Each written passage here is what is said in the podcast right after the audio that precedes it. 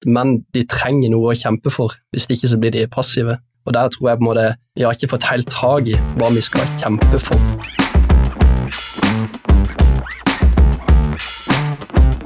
Jeg stikker jeg inn at jeg pleier ofte å kalle Gud for øverstkommanderende. Yes, sir.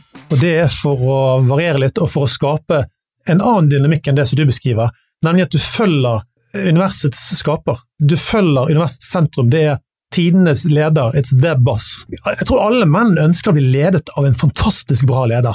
At ikke det er bare den terapeutiske vinkelen.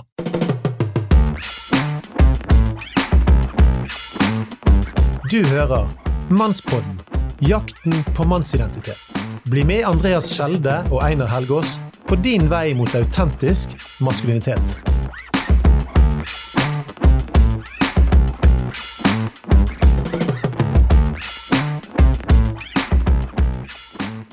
Velkommen til fjerde episode av Mannspodden. Du hører Andreas Skjelde, og som vanlig har jeg med meg mannsguide Einar Helgaas. Vi er midt i en stor og viktig samtale med tre ressurssterke, unge menn fra tre studentmenigheter i selveste Bergen by. Og vi fortsetter i dag med å jobbe med hovedspørsmålet hvordan går det med den norske mannen? Sist snakket vi blant annet om mannskultur i studentmenighetene, og om hva maskulinitet kan være for noe. I dag ruller mannstoget videre. Yes. Nei, men Vi har snakket om eh, en del forskjellige ting, og vi hadde jo tre kvinner her sist gang.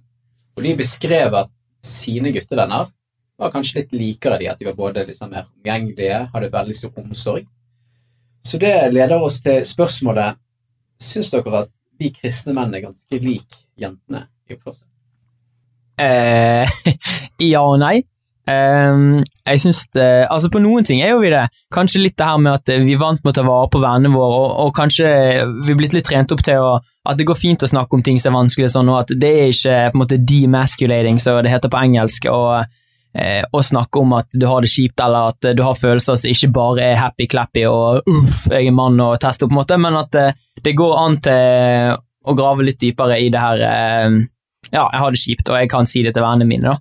Eh, men det er jo også forskjeller. Jeg tror, eh, jeg tror kanskje ja, Det jeg opplevd i forhold til mine kanskje ikke-kristne venner, at eh, kristne gutter er jo litt mindre flinke til å bare være superfrempå når det kommer til å spørre ut på date og sånn, da. Eh, jent, altså, de andre kompisene mine som ikke er kristne, de er bare sånn eh, De er jo på typ Tinder eller et eller annet sånt, og så sender en melding 'Hei, skal vi møtes klokken tolv?' Ja, greit, og så er det gjort. Eh, så jeg tror nok eh, vi som kristne menn ligger kanskje mye mer i det. Eh, det her med, og, Eller kristne mennesker generelt ligger litt mer i det her med å finne seg en partner for livet, og litt de tingene, da. Syns du det er rart? Eh, altså nå, det er jo, Hva syns jeg rart? Jeg syns det er en fin ting at vi må tenke om hvem vi ender opp, eh, tenke, opp, tenke på hvem vi ender opp med, men samtidig så er det eh, altså Det er jo på en måte forståelig at eh, du ikke orker å ligge så mye i noe når du ikke forventer at det skal vare lenger enn en kveld eller en natt. Ja, jeg vil si at vi er ganske like på, på mye. For eksempel så opplever jeg at kristne gutter i, sånn generelt er flinkere til å snakke om ting som er vanskelige, som Benjamin sa. Snakke om følelser og snakke om eh, ja, de tingene der. Og så eh, er det ikke så mange som vil eh, stikke seg ut, føler jeg. I hvert fall av de folkene jeg henger med. Og det er litt sånn samme som jeg opplever med jentene, spesielt i den kirka jeg går med, at ikke de vil stikke seg så veldig ut. Så ja, jeg vil si at vi er vi er like, på sett og vis, men det er fortsatt store forskjeller på noen enkelte ting. På en måte De ekstreme tilfellene ja, kan være ganske store. For eksempel så er det mange, eh, veldig mange flere gutter som tar mye plass versus eh, jenter. da. At de liksom eh, kommer inn i et rom og dominerer rommet og er skikkelig på. Det er ikke så mange av de jentene, opplever jeg. Jeg tror, jeg tror gutter og jenter er ganske like i kristne miljøer, og det er nesten sånn at det er forventet, da. For vi gjør jo utrolig mange av de samme tingene. Altså Vi går og hører et samme budskap på en søndag, og på en onsdag kanskje så møtes vi til en smågruppe, og på den måten er jo kristne menn eh, mer trent da, enn kanskje det som er eh, ellers i befolkningen, på å liksom snakke om sitt indre liv. da. Eh, men det vet jeg, det er et kapittel for seg sjøl, at jeg har hørt mange menn liksom Spesielt når jeg gikk på bibelskole, da var det liksom, da var det en smågruppe der òg, og så var det en i kirken, og mange syntes at det ble litt for mye, da. At de følte seg veldig sånn tomme. At det var liksom sånn ja, men da bare gjentar jeg de samme frasene, og på en måte Eh, det ble for mye, da, men kanskje, for, mitt egen, for min egen del så kan ikke jeg få nok av det. der, liksom. Jeg digger det, liksom. Å sitte og snakke og, og sånne ting. Så der er nok en forskjell. da. Men eh, tenker du at så både kristne gutter og jenter er like flinke på å lage brownies og is og sånn? ikke det veldig populært i kristen sammenheng? Utrolig. Det er jo kosher. Det jeg, eh, nei, hvis jeg må velge, liksom, så tror jeg kanskje jenter er litt flinkere til det. da.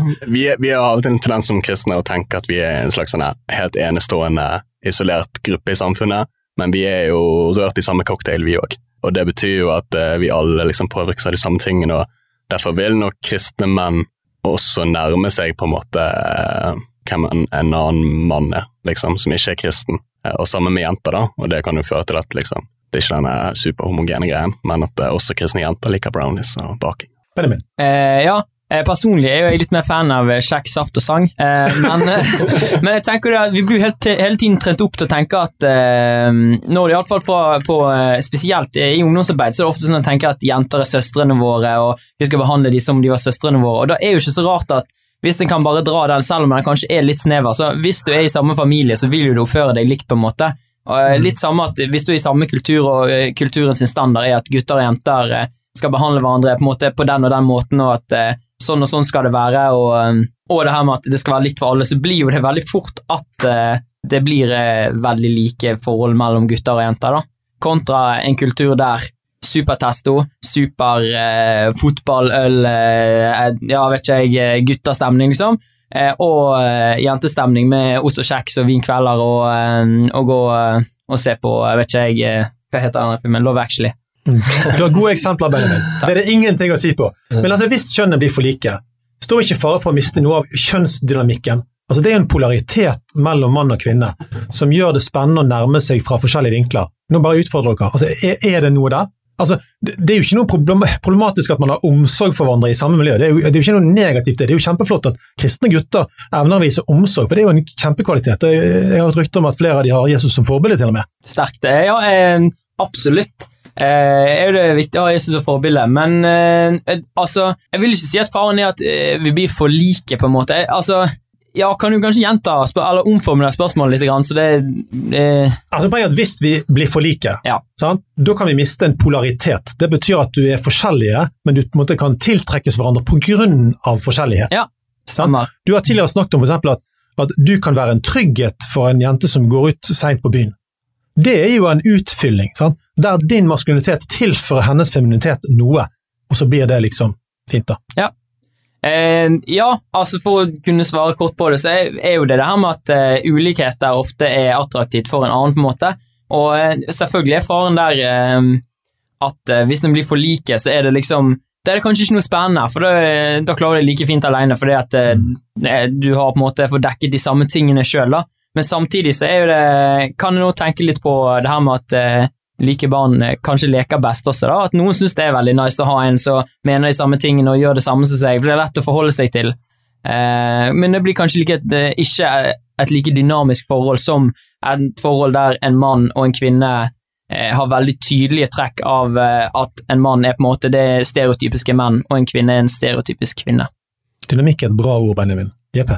Ja, jeg, jeg tror det du sier om liksom den her eh, polariteten er utrolig eh, spennende, da. Eh, Jeg mener det var hun Theresa May, tidligere eh, statsministeren, som sa at eh, a citizen of the world is a citizen of nowhere. Da kommenterer hun på en sånn her tanke om i globalisert verden da, at eh, nå behøver ikke jeg å være britisk, eller behøver ikke være norsk, men jeg er liksom en verdensborger. Ikke sant? Og da er jo anklagen den at da mister du på en måte en liksom slags hjørnestein av din identitet, da, av, av, hvem du er.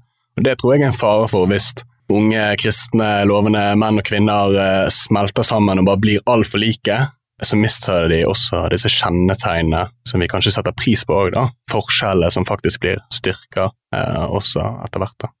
Um, så det tror jeg er viktig å ha med. Ja, det at vi blir for like, det fører jo ofte til at vi blir sittende fast i komfortsoner. da. Når, hvis vi tar på en måte misjonsbefalinger på alvor, da, at eh, vi skal nå ut til andre mennesker, så er det jo veldig dumt at uh, vi ikke har noen som kan gi deg litt motstand, og som kan drive på en måte det her framover. Og det er, jo, det er jo det store problemet, da, hvis alle er like og alle har de samme meningene og tankene om disse tingene. For da kommer man ingen vei. Du, ta litt videre. Eh, Med tanke på der vi står i dag. altså Vi har hatt 50 år med likestilling. eh, i Norge. Eh, og hva tenker dere er viktigst i dag? Å snakke om likestilling, eller å snakke om utfylling? Altså at kjønnet utfyller hverandre med komplementaritet. Ikke sant? Skjønte dere spørsmålet?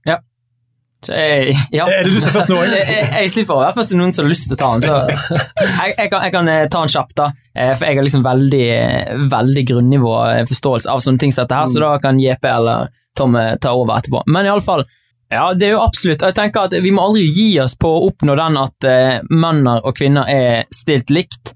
Eh, sånn som dette her med for lønnsforskjeller og sånn, er, er jo bare tullete. At en mann som gjør nøyaktig samme jobben som en dame, eh, skal få bedre betalt. Eh, men samtidig så er jo det òg viktig at når vi Sånn er det ikke i Norge, da. Hæ? Det er ikke sånn i Nei, Norge. sånn er det ikke i Norge. Men det, det er viktig å liksom, i alle fall sitte søkelys på det. At, at det er sånn andre steder òg, på en måte. da. Mm. At, eh, ja, at det er, det er forskjeller noen steder, men samtidig så er det også viktig å finne de forskjellene som kanskje er gode. Eh, som for eksempel at eh, jeg vet ikke jeg, eh, menn kan gjøre ting de er gode på, på en måte. Og du ser jo det eh, nå så det har vært litt sånn her eh, Nå må jeg tenke godt hva jeg skal si her. Eh, jo, nå, når vi er så likestilt som vi er, så viser det seg at flere, mye flere kvinner velger det som er stereotypiske kvinneyrker, og menn velger det som er liksom stereotypiske Mm. manneyrker. Så kanskje på tide å liksom anerkjenne det at eh, likestillingen Mm. er at alle har samme rettigheter, men det betyr ikke at eh, det må være likt fordelt på alt sammen. Veldig bra. Ja, for Jeg er helt enig med deg, Benjamin. Og det Likestilling det heier vi på. At alle skal ha like muligheter, det er utrolig viktig. Men problemet blir jo litt det vi snakka om i stad, at eh, når eh, du får eh, Når på en måte kjønnene velger på bakgrunn av sin biologi, så velger kvinner ofte, oftere omsorgsyrke, og menn velger oftere yrke der ja, for eksempel som handler om ting, eller handler om lederskap. Da. Og da blir jo problemet at du får eksempel ikke mannlige lege eller mannlige lærere i barneskole eller mannlige omsorgsarbeidere. Da. Og det blir jo et eh, problem da, på andre sida, fordi at da kan man ikke velge fritt om man vil ha en mannlig lege eller en mannlig psykolog eller en mannlig lærer. Da. Og jeg tror det er sykt viktig, i hvert fall i, i skolen, som er liksom en del av dette her å ha på en måte lærere da, som er mannlige forbilder tidlig i barneskolen, som kan se på en måte den her eh, mannskraften i små kids, og på en måte klare å kanalisere den på riktig måte. da. Fordi at Hvis ikke så ender vi opp med at, eh, at eh, de unge guttene blir skoletapere, og det er det ingen som tjener på. Dette er en god visjon for eh, skolen, Tom Åge. Ja, Det er derfor jeg velger det yrket. Det er veldig bra. Siste kommentar fra deg, JP, på den før vi går videre. Eh, ja, jeg har jo en rant der jeg er usikker på hva jeg skal gå inn i, den, men eh, det er sånn begrep som heter The End of History, fra en statsviter som heter Fukuyama, da, som på en måte hans tese er at uh, liberaldemokratiet i det 21. århundret. det er på en måte det er så godt vi kommer til å klare å få det da, som mennesker på den jorden politisk uh, styringssett. Um, og så blir den kritisert ganske heftig, da, uh, fordi at uh, liksom uh, vi kan ikke tenke på oss dette som et mål, det, da gir vi opp liksom alle tanker om progressivitet og sånne type ting. Og Det tenker jeg jo med likestillingen, da, at vi er kommet utrolig langt, som du, som du sier, men til og med det skoleeksempelet som eh, nevnes her, da, er jo også et eksempel for likestilling, selv om det kanskje ikke passer inn i de ut, eh, rammene vi er vant til å tenke om likestilling som eh, kamp for eh, kvinners rettigheter. Da. Men prøvde du å si at jo, fortsett å jobbe med likestilling, men nå må vi kanskje jobbe med likestilling for mennene òg? Jeg eh, jeg tror vi begynner å bli klar for det aspektet. Det er nok litt sånn brannfakkel fortsatt, og med god grunn, tror jeg. da. Eh, Jeg tenker dette er analogt litt til det vi har sett nå med Black Lives Matter-diskusjoner og sånn. At eh, vi kan ikke for tidlig eh, begynne å si all lives matter. Hvis det er noe som er et problem nå, og en gruppe som har blitt marginalisert sterkt over lang tid, så er vi nødt til å på en måte gi det nok tid, da. Eh, Og vi er nødt til å arbeide hardt nok for det, tror jeg, eh, før vi kan liksom begynne med den her som er sant, da. At eh, jo, likestillingen skal gjelde menn òg, og, eh, og hvite liv, de er verdt noe, de òg. Hvis dere skjønner Hvite menn til og med. med, de vært noe. Ja, til og med, ikke sant? Men uh, det er noe med um, hva prioriteringsliste og sånn. Ja, men det er ikke noe svar på når vi blir klar for det, eller uh, begynner kanskje sensettet nærme seg. da. Ingenting er bedre at vi nærmer oss nå. Men uh, vi har snakket litt sånn forskje om forskjellige ting eh, det som beskriver en mann. da. Så jeg lurer på Har dere noen gang møtt en ekte mann? Hvordan vil dere da beskrive denne mannen? Jeppe, du hadde jo en kompis. Ja, jeg ser på flere nå, jeg. Det, jeg, jeg tror faktisk eh, du, Einar, nå vet ikke om lytteren kjenner deg så godt, og det gjør for så vidt ikke jeg heller, men, men sånne folk som deg, eh, som jeg har hørt fra andre, eh, er veldig gode fedre. Det, det er sånn jeg Mm. setter utrolig høyt. da. Og Du er et eksempel der. En annen profil som heter Alexis Lund, er Ja. utrolig sånn inspirasjon. Og han har jeg kanskje utvekslet to setninger med i mitt liv, da.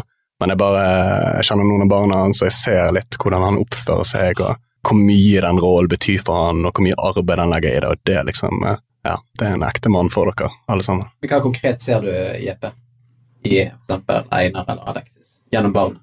det er denne eh, at man er selvoppofrende, da. Eh, og det tror jeg er utrolig viktig, som jeg sa helt innledningsvis her, at det er på en måte En mann gjør det han gjør for andre, da. Eh, han gjør det ikke for seg sjøl, det gjør en gutt. Eh, så den her eh, Å kvitte seg med den egoismen og finne glede og mening og driv til å leve et mer soldatisk liv for sine nærme og, og andre, da. Det tror jeg er liksom ja, Hvis jeg skal si noe om mannlighet, liksom, som jeg tror jeg treffer spikeren litt der, så er det det. Kult, kan man nevne en liten ting? fordi jeg har en sånn teori om at men, men det er jo sånn generelt at kvinner har veldig stor selvoppholdelseskraft. Altså hvis, hvis alt rundt de faller, så tar de vare på ungene likevel. Mm. Mens det som har vært typisk for menn, er at hvis de, hvis de ikke har noe å kjempe for lenger, som er utenfor familien, så blir de kanskje the whisky indian, som sitter bak hjørnet med en flaske, mens kona tar seg av familien. Er det noe med at menn er nødt til å ha et løftet blikk utover seg sjøl, for samfunn, menighet og i det hele tatt? Er det, er det først da mannen kommer til sin rett? Jeg bare spør deg først, Jeppe, før vi fortsetter på rundene. Kanskje. Jeg har, um, jeg har prøvd å utfordre meg da, på å se liksom uh, Jeg har begynt å liksom innse litt at jeg kanskje ikke skal bli uh, Øystein Gjerme, liksom. Uh, hvis dere skjønner hva jeg mener. da. Og det er litt sånn når man er 19-20 år, som jeg var gikk på bibelskole, så blir man liksom fortalt det ganske mye sånn world changer, et sånt språk man ofte bruker. Mm. Men nå har jeg begynt å både komme um, til freds med, men også liksom elsker tankene av å se det store i det lille. Eh, så jeg trenger kanskje ikke disse utrolige prosjektene av å forandre samfunn og, eller eh, kirkelivet eller et eller annet sånt. Jeg skal gjøre en utrolig god jobb for eh, hvis jeg får en familie. Det, Men, men det kan jo være at du starter en fotballklubb i en bygd der det ikke er en fotballklubb. Ja. Altså, Det trenger jo ikke være grand. det er litt det jeg mener. At man ikke liksom må stå på scener eller uh, gå på podkaster eller noe sånt for å være en god, tydelig, fin stemme. da. Det gjøres liksom i uh, ikke språket, drittarbeidet, ikke sant? Uh, det der dag til dag og gode valg på gode valg. Ja, Jeppe, for du beskriver liksom det her med kirke, da. Tror du det er sånn at kirken i Bergen kanskje har, eller generelt har mer fokus på at vi skal bli store innenfor kirken? At vi da kanskje glemmer verden, da? Og for menn så er det kanskje litt vanskelig, for da er det enten taler eller lovsang. Eller lydmann. Veldig usikker. Jeg uh, opplever egentlig at folk prioriterer kirken litt for lite. og de prøver gjerne å gjøre det stort på andre arenaer i livet. da. Eh, og da er liksom, jeg regner kirken med i den kalkylen, liksom eh, Dette er på en måte eh, igjen drittarbeidet, da. Det, er en glede å gå i en flergenerasjonsmenighet som Tabernaklet, eh, for da får du litt sånn du ser litt eldre menn og menn i 40-årene og sånne ting, og der er det en fyr, jeg skal ikke nevne ham med navn, men han, han er sånn kis som bare liksom Han gir meg håp til at det der kan jeg òg gjøre. Selv med barn, selv når livet er liksom travlere enn det det er nå som student, så kan jeg òg gå i kirken, jeg kan lede en, eh, eh, en barnekirkesamling der jeg kan liksom gjøre utrolig mye eh, godt. da. Videre på, på runden her, har dere møtt noen skikkelige mannfolk, og hvordan var de? Ja, jeg har møtt et par. Jeg har spesielt en lærer jeg hadde på videregående. Han hadde på en måte tre ting. da. Han hadde skikkelig god karakter, og han hadde veldig kompetanse i det han holdt på med. Og så hadde han et, måte et kjærlig hjerte, da. Så han var Ja, han hadde de tingene der, og så kjempa han og kriga han for at eh, hans elever skulle på en måte få lov til å ja, vokse i karakter og kompetanse og, og på en måte i relasjon til Jesus. da. Så eh, ja, han var en eh, skikkelig bra og god mann. Så bra. Ja, eh, jeg har møtt noen folk som jeg har tenkt han her er mann. Eh, er som regel eh, de fleste menn tenker jeg det om, eh, men det er noen folk som liksom har skilt seg ut, så det liksom, det her er gode menn, kanskje, mer enn bare en mann. Eh, en av de har jeg vært så heldig å ha hatt som ungdomspastor, han heter Chris Michael. Eh, og måten jeg fikk følge han de årene han bodde her i Bergen på, med at han for eksempel eh, at det var ungdommer som ringte og spurte om han kunne hente dem på natten, for de hadde vært et sted og så gikk ikke noen busser hjem, og at han eh, Det var liksom ikke uten tvil engang at han bare satte seg i bilen og kjørte til en destinasjon han fikk eh, opp på, eh, på telefonen, eller en adresse han ble gitt, og så møtte de der, da. Eh, og det er et eller annet med det der, eh, litt som du sier, å gjøre noe for seg sjøl, Jeppe, istedenfor bare eh, ja, å gjøre noe for andre og ikke for seg sjøl. Eh, jeg tenker liksom det òg Når ordet mann, så tenker jeg med en gang at dame òg, at, det liksom at noen er noens mann, da. Eh, så kanskje mitt mål med å være bli en mann da, en eller annen dag, er på en måte det her å, å kunne ha tid til å, å, å kunne ha evne til å liksom ligge vekk mine behov for å pleie noen andre sine, for jeg ser at de trenger det mer enn meg. da. Jeg tror kanskje det, det er overalt for min del oser liksom, her er en type som faktisk har skjønt hva det går i. Det går ikke i å løfte seg sjøl opp og bare prioritere seg sjøl, men å bygge andre mennesker med å vise kjærlighet i form av tid, i form av at nå sitter jeg bare med deg, jeg trenger ikke si et ord, men jeg ser at du trenger noe nå. Eh, og være en som er, er, på en måte eh, tilgjengelig for folk, der folk som trenger hjelp. Eh, og kanskje, og som Jeppe sier, det her med en far eh, Folk som er gode fedre, er folk som du har lyst til å være rundt, for du vet at de tar vare på folk som er rundt seg, og det er noe inderlig med dem. på en måte. Det er, ikke, det er ikke fake, det er ikke fint bare fordi at det skal se fint ut, men det er faktisk fordi at eh, du, er, du elsker ungen din, og det er derfor du er en god far. på en måte. Du viser det gjennom dine handlinger at 'jeg bryr meg om deg', uavhengig av hva du gjør så er jeg fortsatt eh, faren din. Jeg kommer fortsatt til å elske deg. da. Jeg tror det Da, når du er oppe på det nivået, eh, og klarer å liksom eh, Ja, jeg har hørt mye godt om deg, og som du sier, Alexis Lund, helt fantastisk type. Jeg har ikke snakket mye med han, jeg heller, men bare måten han snakker om sin familie på, måten han har på en, måte, en passion for hvordan eh, ungene hans gjør det bra i livet, hvordan han pleier sitt forhold til konen sin, hvordan han er en far som eh, liksom kanskje ja, kan innrømme at han typ kjefter på noen en gang, og det var feil, men at han går tilbake og ber om tilgivelse. At jeg, jeg håper i alle fall for min egen del at jeg ikke blir en far der jeg alltid skal ha rett, men jeg blir en far som har rom for å gjøre feil, og igjen kan vise det til mine unger. Så, og leve på en måte et Jesus-likt liv, da. Ligge fra meg det som liksom er mitt, men å ligge videre det som er noen andre sitt, ja. Eh, og, og, og, ta opp heller kampen for noen andre som ikke klarer det. Fantastisk. Veldig, veldig spennende tanker. Nå nevnes Jesus her, og, og Jesus snakkes det jo mye om i våre sammenhenger. Men en ting som det kanskje ikke snakkes så mye om, det er nemlig Jesus som forbilde som mann. Ikke bare et generelt forbilde, som er jo en svær ting. Tenker dere at, at, det er riktig at det har vært lite snakk om Jesus som et forbilde som mann? Og det, Hva tenker dere om det, å, å gjøre det? Altså, Jesus var jo mann, så vi har mye å lære av han allerede der. Jeg tenker også at Vi kanskje snakker litt for lite om det. Eh, Jesus var jo kanskje litt pioner på det her med å se kvinner, eksempel eh, og ta de med i gjengen. La de få lov til å ha en stemmerett og la de få lov til å bety noe for eh, en stor samling. At de har noe de skulle sagt, på en måte. da. Eh, og jeg tror det, det, er absolutt noe vi kan lære av. Eh, at det er faktisk like mye verdt det en mann sier som en jente sier, selv om det kanskje ikke alltid føles som eh, eh, Altså, når en mann kjefter på deg, så blir du enten redd, og, og så tar du det til deg, eller så tenker du 'ah, for en løk'. Eh, du, nå er det bare piss. Men når en jente snakker til deg, så, og det jeg tar meg sjøl på, det er ikke noe bra, men jeg kan ofte tenke sånn her Ja, ja, nå, nå, bare syter du, eller Det er et eller annet sånt, sant? Eh, og det Ja, jeg tror kanskje vi kan ta litt fra Jesus der at eh, det faktisk like, har like mye å si de ordene hun sier, som de ordene han sier, selv om jeg, det er litt mer fryktinngytende, det at han er Eh, en halv meter høyere enn meg, veier 120 kilo i ren frykt og eh, har eh, to oktaver mørkere stemme enn meg, så betyr ikke det at det hun sier, er noe mindre verdt. Eh, ord er ord, på en måte, da, og de har like mye makt selv om de fremføres forskjellig. Men vi må føre det for dere andre. Jesus som forbilde som mann. Ja, jeg føler ikke det snakkes så veldig mye om i, i kirka i dag. Jeg, jeg savner det litt, å på en måte løfte fram hvordan man skal liksom være en mann etter, eh, etter Guds hjerte. da. Og det, det, er jo utrolig mange eksempler av det i Bibelen. For eksempel eh, kong David og ja, Josef og gutta. Men eh, det, det, er folk som på en måte har noe å, å kjempe for, da. Eh, og som faktisk driter på draget, alle sammen. Men de gjør opp etter seg. Og det er på en måte litt det her da, som jeg snakket om i stad, at eh, der tror jeg vi har så sykt mye å lære at vi må heie fram det at eh, vi kan eh, prøve å bli en bedre versjon av oss sjøl og være ærlige når vi driter oss, og på en måte prøve å bli mer lik Jesus som mann, da, og ta på en måte de ta gode ja, valg for oss sjøl. Da får jeg slipper til på dette. Tenk på Jesus. altså Vi snakket om myk og hard, ikke sant? Sterk sensitiv, den slags. sant? Um, Jesus grein flere ganger og var fylt av medfølelse flere ganger? For, for, for, for menneskene rundt seg, av, fordi det var grunn for det.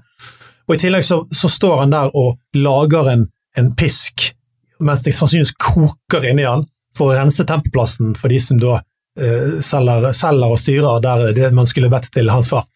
Sant? Og bare rydder unna så maskulint som du bare kan få det. Sant? Det er jo et voldsomt spenn der. Er ikke det, kan ikke det være litt spennende å, å se nærmere på det, JP?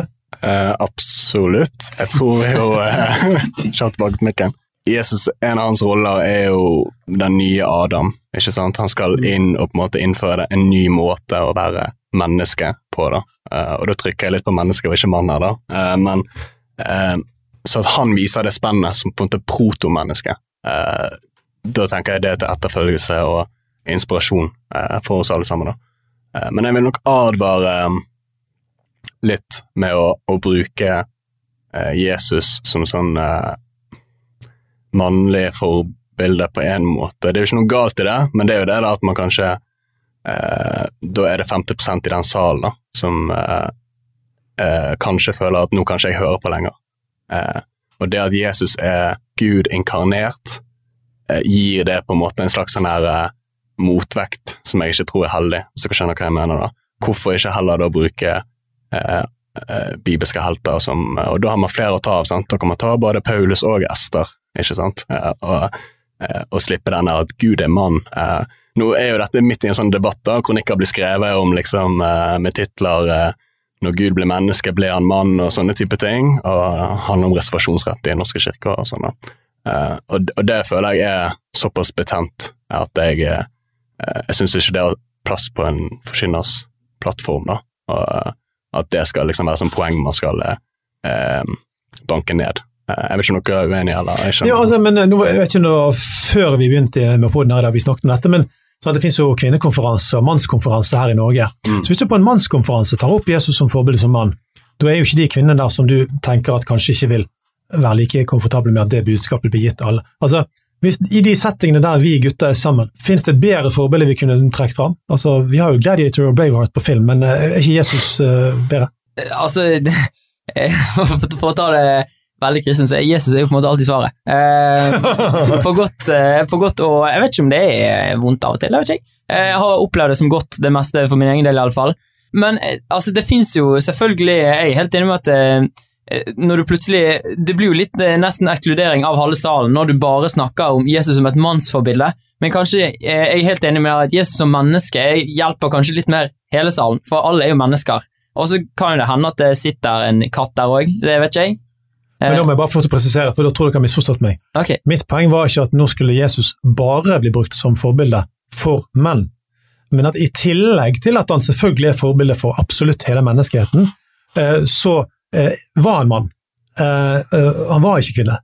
Så hvorfor kan ikke vi òg snakke om han som et forbilde for menn? Og da nødvendigvis kanskje særlig når gutter er samla og trenger det aller, aller beste forbildet.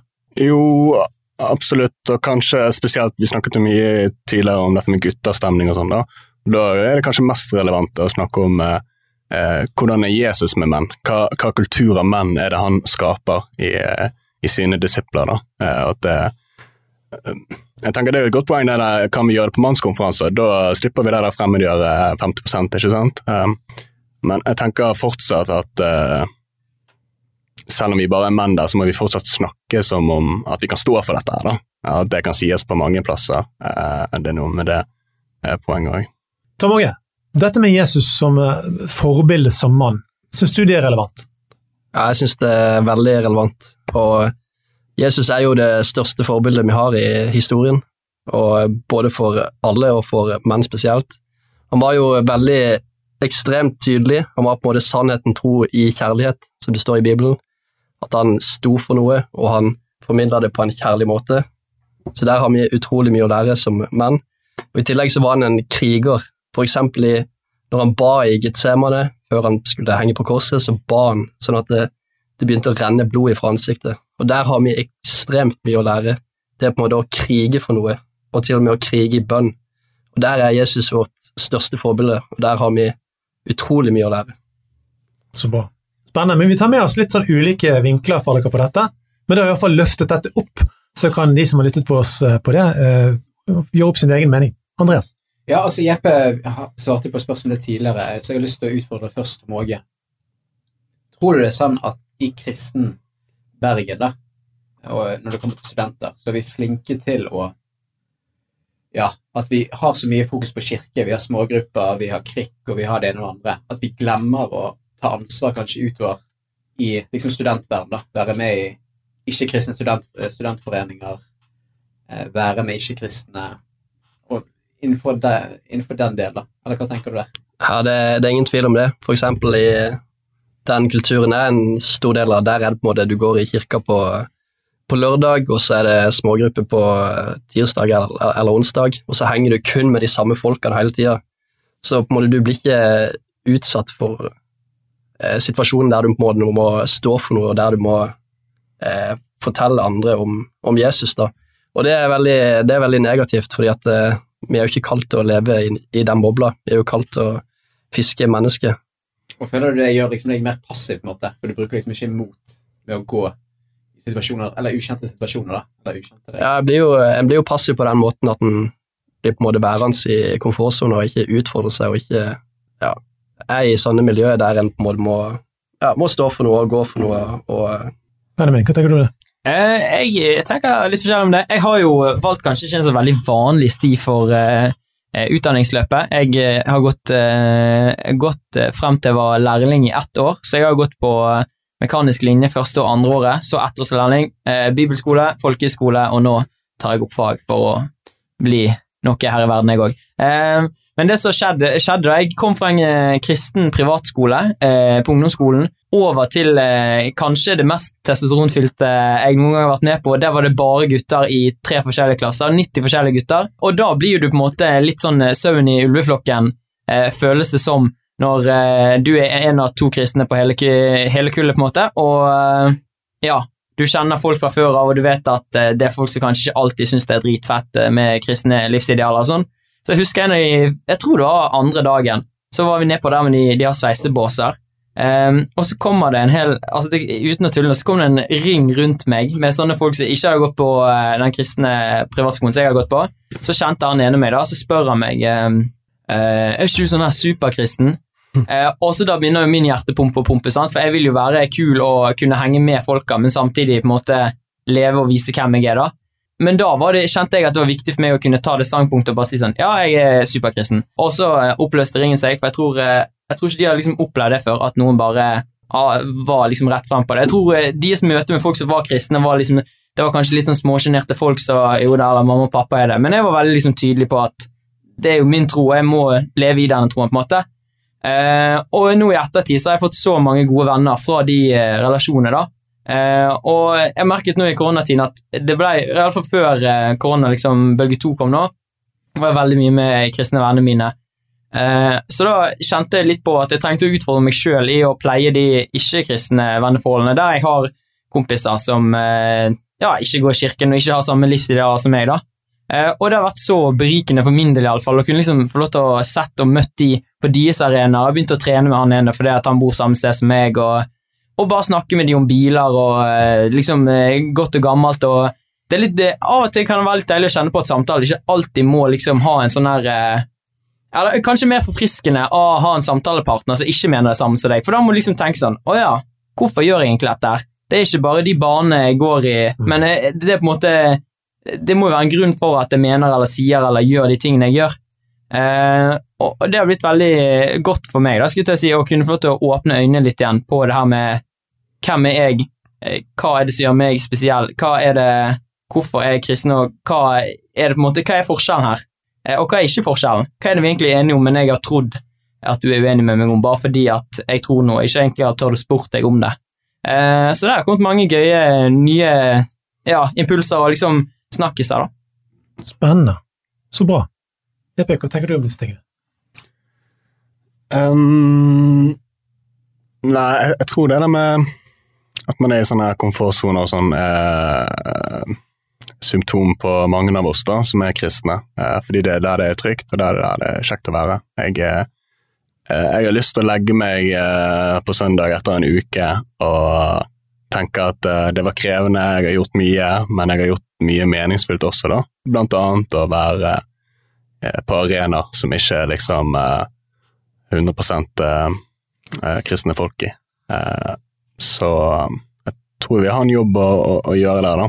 Men hva var spørsmålet egentlig om uh... Nei, det er egentlig om i hovedsak at uh, vi kristne går på kristne ungdomsskoler, kristne videregående skoler, kristne læresteder, altså NLA og diverse, da. At vi gjemmer oss, og i, i det at vi gjemmer oss, ikke har mot lenger, da, som menn. mm, At vi liksom ikke, sånn som du sier, strekker komfortsonen. mm. Ja, jeg, jeg er usikker. Jeg tror jo eh, på en måte alle kjenner på det, da, kjenner hjertebanken som Benjamin beskriver, ikke sant? når du plutselig blir stille deg sjøl litt sånn åpen og naken og må eh, svare på utfordrende spørsmål eh, og sånne ting. da.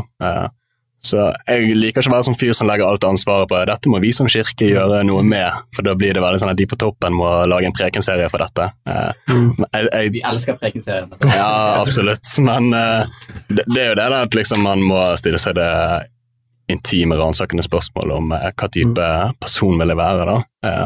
Og da vil i hvert fall jeg da være en sånn key som er ute blant folk, og på en måte Men mest gjennom måten jeg lever på, da. Viser de, de gode nyhetene. Ja, jeg vil bare utfordre deg litt, Einar Helgos, nå, da. For uh, du jobber jo i laget, da, så jeg må jo bare disclaime med en gang, da. Men altså, du har jo valgt at dine gutter og datter, så vidt jeg har forstått, har gått på en offentlig skole.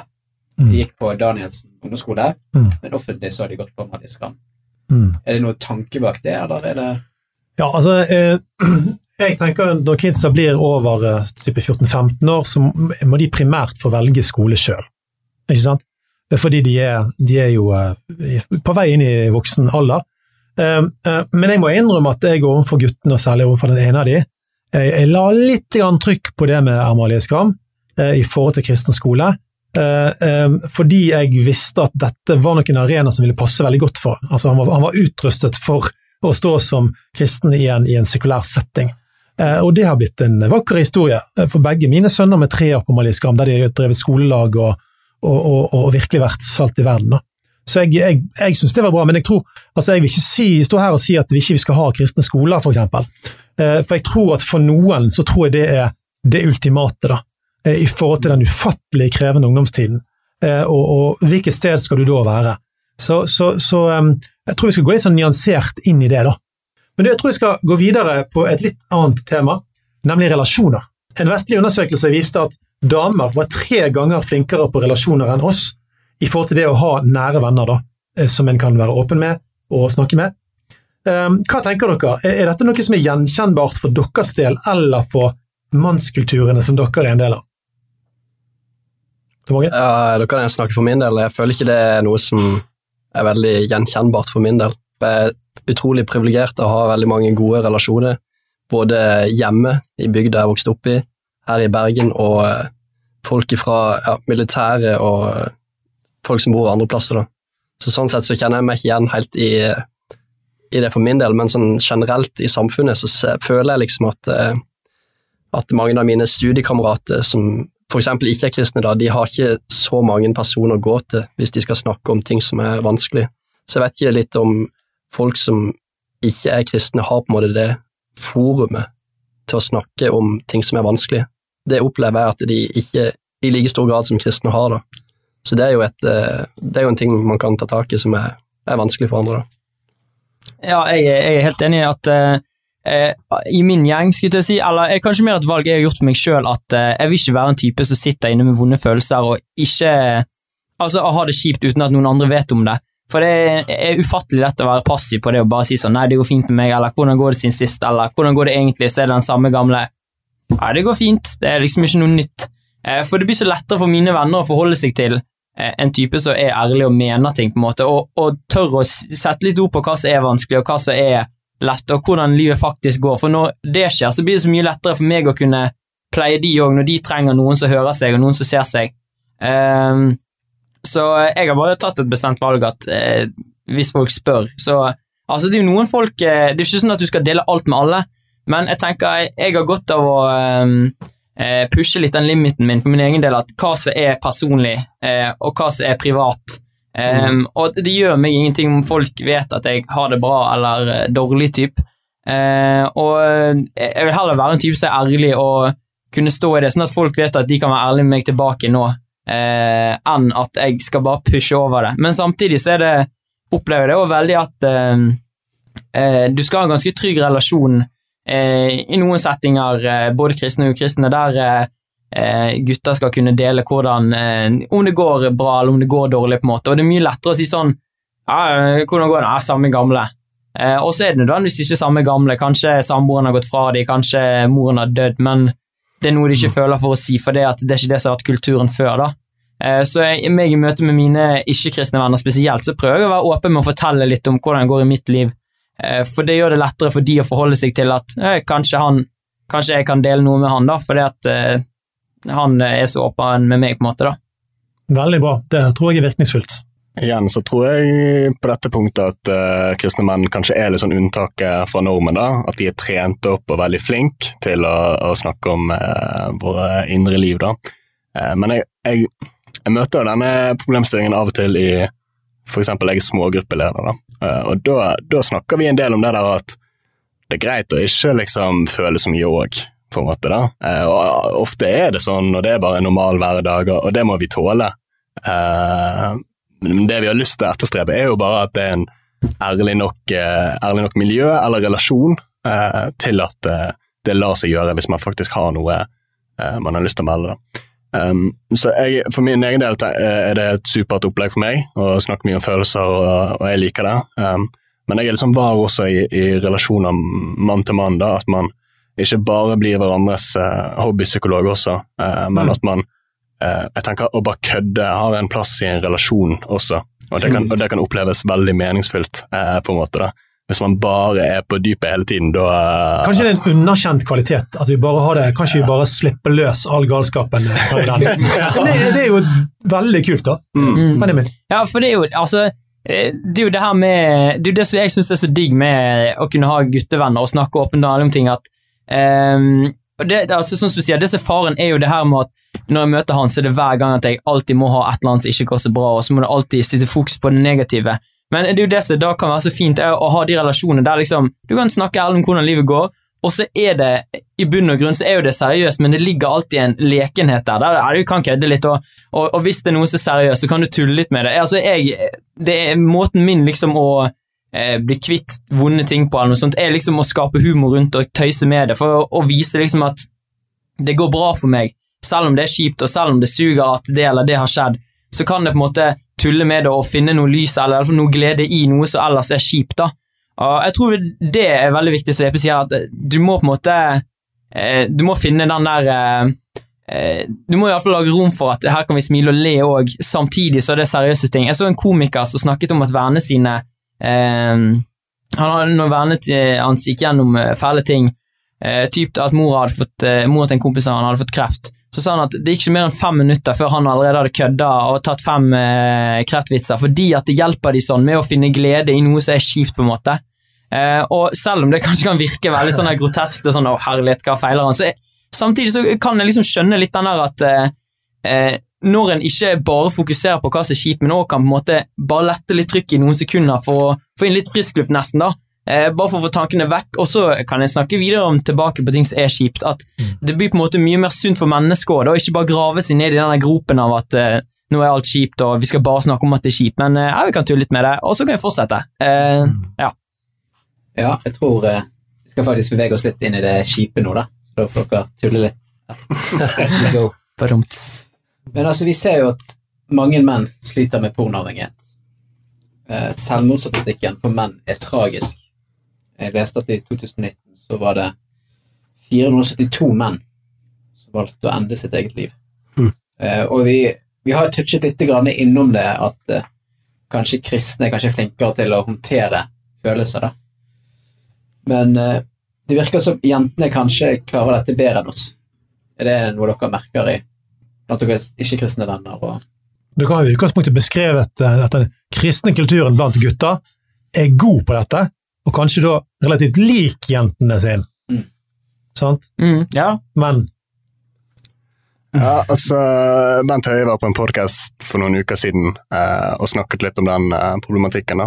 Eh, og, eh, og nevnte det at eh, gutter de er nødt til å bli, eh, bli flinkere eh, til de små tingene, var det hans eksempel var. da. Og Det kan jeg kjenne igjen i, og det sa jeg påfølgende onsdag til, til den eh, smågruppen min. da, At eh, dette her er mental hygiene. da.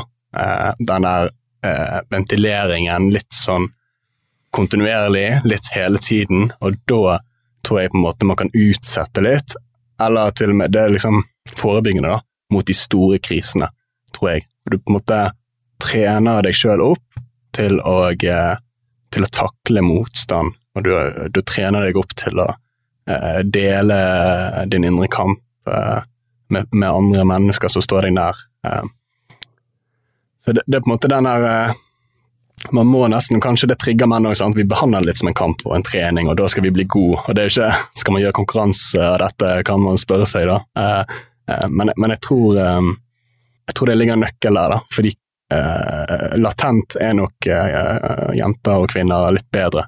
I hvert fall til å søke hjelp, da, når det går så galt. Altså profesjonell hjelp. Ja. Det som er mest vanlig i forhold til når det er samlivet som skranter, så er det jo jente, det er kvinnene som tar kontakt og ønsker at en skal søke profesjonell hjelp eller snakke med noen. sant? Mm. Gutter holder igjen. Så det, det er jo det generelle. Ja. Sant? Men igjen, det er, jo, det er jo nydelig at dere beskriver en kultur av åpenhet, og der gutter ikke går og sperrer inne. I hvert fall i, i snitt, da, i de kulturene dere, dere snakker om. Men la oss bevege oss eh, litt når det kommer til tro, da. Vi har jo vært innpå det òg. Eh, og vi nærmer oss slutten på denne podkasten her. Og det er jo sånn at i kristent arbeid så er det faktisk flere jenter da, enn gutter. Og tror dere at dette handler om at jenter kanskje er mer åndelige enn oss?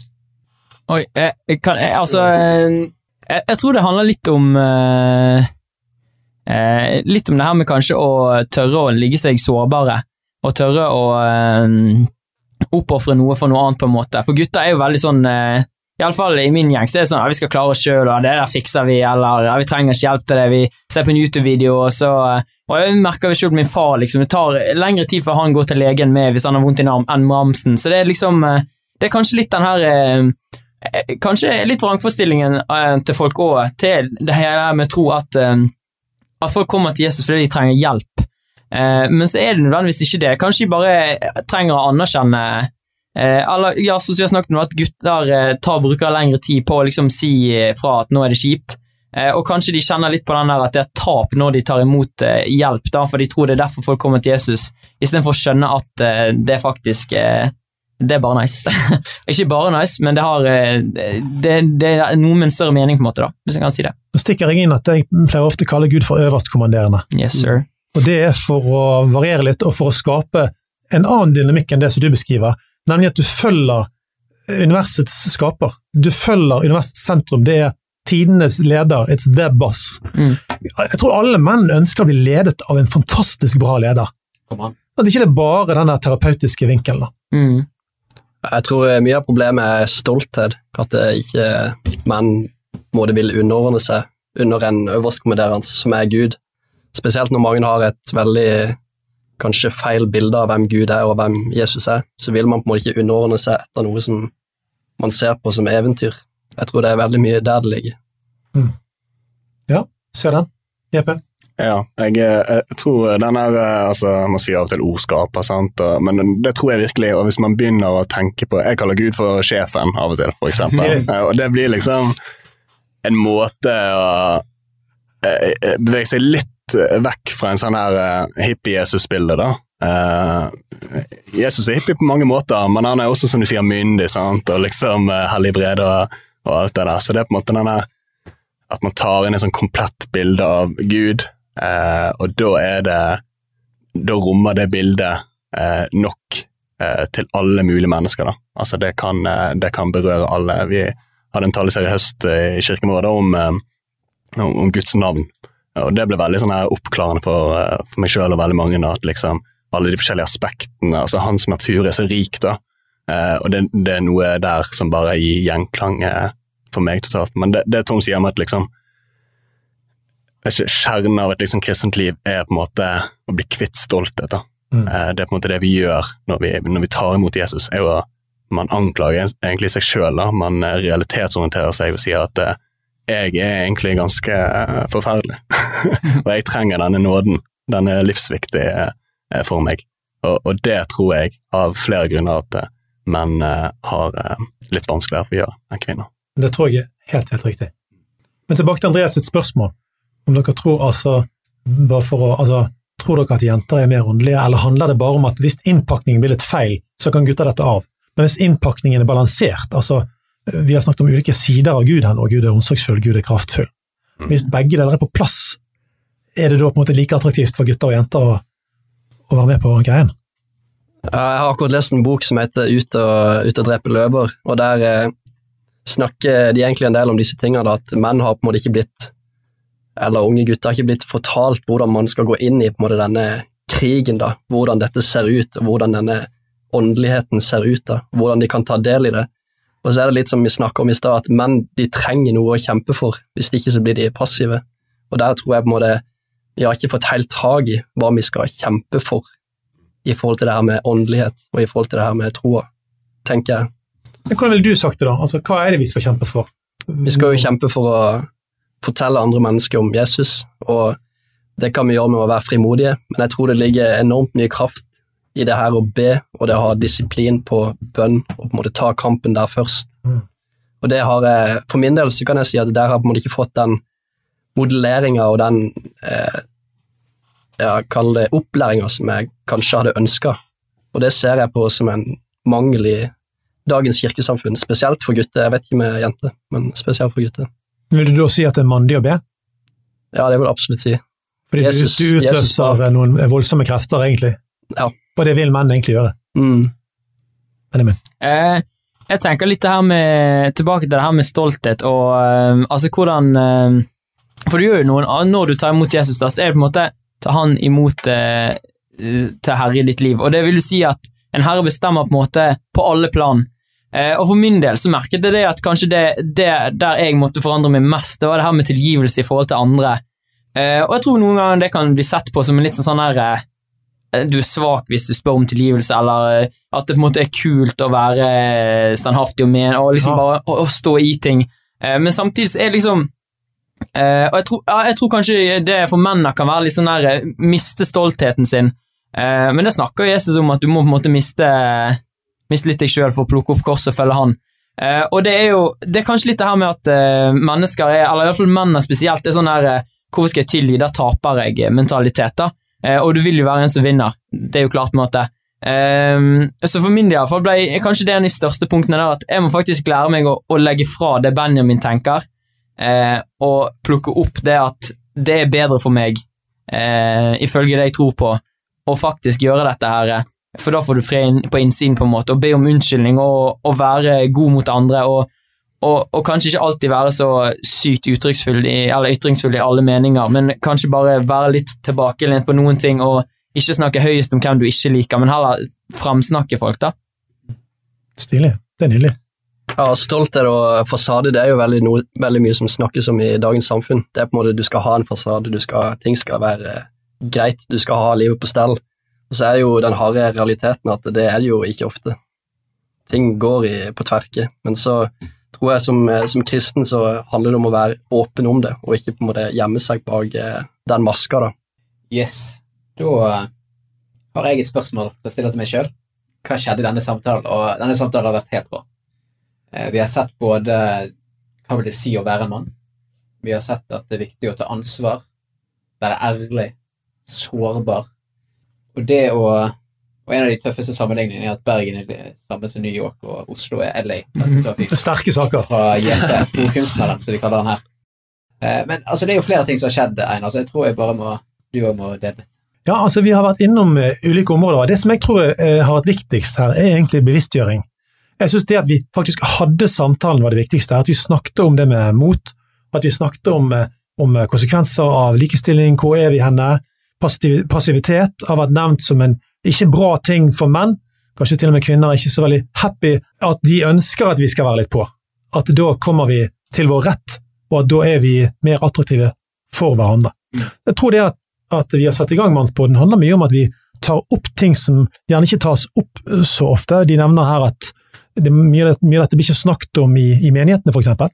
Nå tror jeg, jeg håper at mange vil ikke bare tenke gjennom dette, men også snakke med vennene sine om disse tematikkene. Sitt til langt på natt og snakk om disse tingene. Jeg tror det er gunstig. Ja, det er veldig gunstig. Eh, Så gjør det, du som hører på Mannspodden. Og da gjenstår det bare meg å stille siste spørsmål. Gutter, er dere klare? Eller menn? Det er jo Mannspodden. Har dere en oppfordring til unge kristne menn i dag? Eh, Jeg kan starte. Eh, Min oppfordring, så har kanskje det som har vært eh, mest retningssettende for meg, og, og hjulpet meg virkelig, eh, er å få en mentor. Finn noen å snakke med. Finn noen som har gått et par steg eh, før deg. Enten noen som har eh, kanskje vært i troen lenger enn deg, enten noen som er eldre enn deg. Ofte de. Enten kan det være en mann på 40, eh, og det er ikke feil å bare ha én, du kan gjerne ha flere. Ehm, men ja, det har i alle fall betydd utrolig mye for meg å ha noen jeg kan snakke åpent og ærlig om hvordan det faktisk går i livet, hva jeg syns er vanskelig, mine kamper. Noen som, eh, Helst noen som kanskje er både lik deg, og noen andre som er ulik deg, for å få ulike synsvinkler. Um, men litt det her med å bare finne noen som kan eh, stille seg ansvarlig for deg og de, de tingene du gjør, og du kan få lov til å tillate å eh, si ting inn i ditt liv som skal faktisk få lov til å ha betydning. Da. For det er mange som kommer til å fortelle deg om ting som du bør gjøre, og ting, ting som er bra for deg, men så er det noen folk du bør virkelig høre på, da, som har autoritet, og du gir de autoritet til det, sånn at de kan si fra både når eh, du gjør gode ting, men òg når det er ting i ditt liv som du kanskje fra utsiden ser ut som du trenger å fikse litt opp i.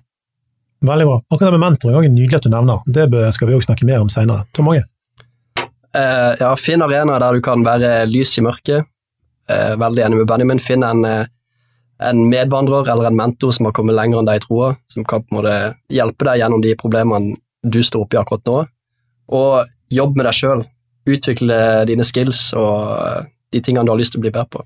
Jeg tror uh, mye av det som går igjen her, men hvis jeg vil si noe til sist, så er det dette at uh, fjellvettregel nummer syv, tror jeg det er. Det er dis disippelregel nummer én. Og det handler om å ikke gå alene. Og det har vært bevisstgjørende for meg nå eh, å bare være menn og snakke om eh, utfordringer og sider som er spesifikke for menn. Eh, at det er noe som er, lurt eh, å gjøre. da. Eh, så ta tak i din vennegjeng og prøv å innføre den kulturen hvis den ikke eksisterer per dags. Gi JP en Han er den nye Trygve Skau. Men ok, greit. Da jeg Tror jeg, tror jeg stjal det fra en bok. En sånn. Det var ikke fra fjellvettregelen. Ikke si det til noen. Da gjenstår det bare å si tusen takk til Tom Åge, Jan Petter og Benjamin som er med oss i dag. Eh, Dette her ble jo en utrolig dynamisk samtale, og dette her beskriver mye av de tingene vi skal ta med oss videre inn i Mannsbåten. Andreas Skjelde og Einar Helgaas sier Snakkes! Mens du venter på neste episode, del gjerne Mannsbåten med fem andre menn, så de kan koble seg på jakten på mannsidentitet i en kjønnsnøytral tid. Hvis du ønsker å lære enda mer om denne tematikken, følg Mannsbåten på sosiale medier. Vi snakkes. Tenk om Abraham syntes Gud var gal, og Moses ville vært normal. Tenk om Josef gikk for makt og ære, mens David abdiserte for en toppkarriere. Andreas Torkelsen kunne flytta til syd og Solskjær rundt for fansen og lyd. Tenk om Bjørndalen ga opp når det bytta! og Northug ble en av partegutta. Tenk om Ole Paus parkerte gitaren, mens Bernhoft bare satt der i baren. Dagfinn Lyngve solgte brannbilletter. Kristian Valen spøkte med sitt fetter. Tenk om Jesus ble igjen i hagen, mens vi måtte kjempe med dragen.